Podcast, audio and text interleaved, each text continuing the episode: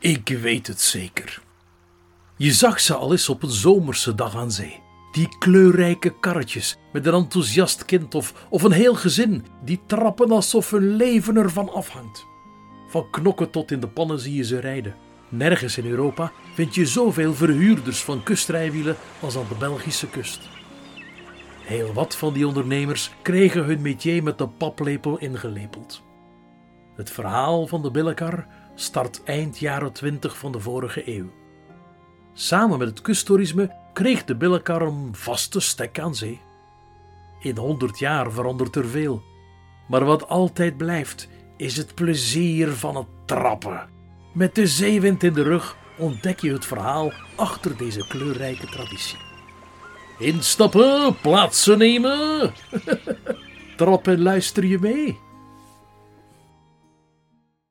Professioneel copywriter en blogger Martien Nijsters kreeg de vertelmicrobe met de paplepel ingelepeld door haar grootmoeder.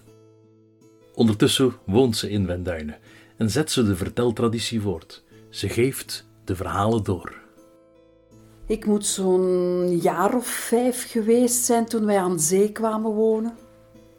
En die eerste zomer, dat herinner ik me nog, dat was er een van heel veel ontdekkingen. Er was die eindeloos grote zee met van die enorme golven die mijn kopje onder deden gaan. En direct daarachter, geloof het of niet, stond ik alweer met mijn twee voetjes in het natte zand te kijken naar het schuim van de golf dat zich over het strand terugtrok. Er was dat strand vol mensen en kinderen verkochten bloemen van papier. Het zand zat tussen je teentjes. En als je wegging van het strand, dan moest je je sandaaltjes uitkloppen tegen de dikke blauwe stenen van de dijk. Er waren altijd veel wandelaars op de dijk en nooit kon ik mijn ijsje oplikken zonder te morsen. En dan, oh, het ergste van al, dat waren die billenkarren. Als je niet bijna omvergereden werd door de stoere jongens, dan reed er zeker zo'n peuter tegen je aan met zo'n nepautootje. En hup, daar lag je ijsje op de gele klinkers van de dijk. God, als er bij ons thuis bezoek kwam met kinderen, dan werd er altijd een wandeling gemaakt naar de rotonde om daar met de autootjes te gaan rijden. De jongens die kozen dan altijd voor zo'n knalrood of een kanariegeel sportautootje en spijsden dat ze dan de prins van Monte Carlo waren. De meisjes die kozen dan weer iets wat met een beetje verbeelding kon doorgaan voor een assenpoeskoets. Eerlijk gezegd, ik vond er niets aan. Dat was te veel willen en die kunnen, vond ik. Die pseudobolides en die, die toverkarossen in zakformaat. En ik moest verdorie nog zelf trappen ook. En veel snelheid kon je daar niet mee maken. Echt niet. Manoeuvreren, dat was beperkt tot een beetje draaien naar links of naar rechts. En hard remmen, dat lukte al helemaal niet. Ik verstond al rap hoe het kwam dat die kleine pagadders tegen me reden. Maar als je in zo'n karretje zat, dan moest je content zijn dat je een paar rondjes kon draaien op het plein. En dan moest je vrolijk zwaaien naar papa of nonkel, die altijd klaar stonden met een toestel om fotootjes te maken, als bewijs van hoe gelukkig we waren in ons autootje. Ik sta er altijd met zo'n donkere blik op, op die zwart-wit fotootjes van vroeger. Met zo'n wit gekartelde rand, weet je nog wel? En dan later, als tiener, dan was het bon ton om met de grote jongens in een echte billenkar te gaan rijden. Dat was dan zo'n kar zonder toeters of bellen, zonder flauwe carrosserie, gewoon vier of zes zetjes en iedereen had pedalen. De quiztaxen noemden ze dat. Je moest je te pletter trappen om dat ding vooruit te krijgen. Maar het grote voordeel was wel dat je niet op de dijk moest blijven.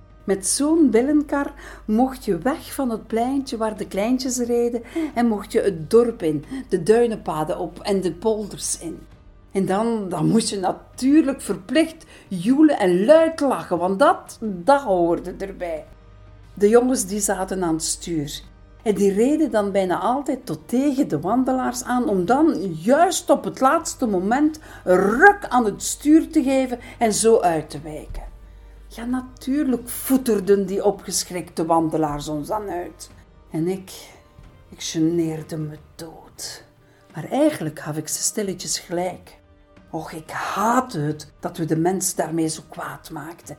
En ik haatte het ook dat mijn rokje altijd opwaaide en mijn billen ontblootte. Eigenlijk was dat allemaal geforceerd plezier. En dat trappen, dat was serieus afmattend. Zoals ik al zei, zaten de jongens aan het stuur. En wij, de meisjes, wij waren dan overgeleverd aan hun grillen in, snelheid, maar ook in afstand. Meestal veel te lange afstand. Dan moesten we nog terug, hé, versleten als we al waren. De billenkar had tegen dan al veel van zijn charme verloren. Joelen en lachen, dat was er al lang niet meer bij. En zoals gewoonlijk waren we weer te laat bij de verhuurder. Voor mij was het genoeg. Dat was de laatste rit van mijn leven geweest. En toch, nu ben ik oma en iedere keer dat de kleinkinderen op bezoek komen, wandel ik toch met hen naar de rotonde waar ze in zo'n autootje mogen rijden. Ze weten dat. Het is ondertussen een traditie geworden als ze bij mij logeren. En ik zit daar dan op een bankje uit de wind in het zonnetje te kijken naar die, die lachende, gelukkige kleintjes die met het grootste plezier rondjes draaien op het plein. Nu met elektrisch aangedreven autootjes.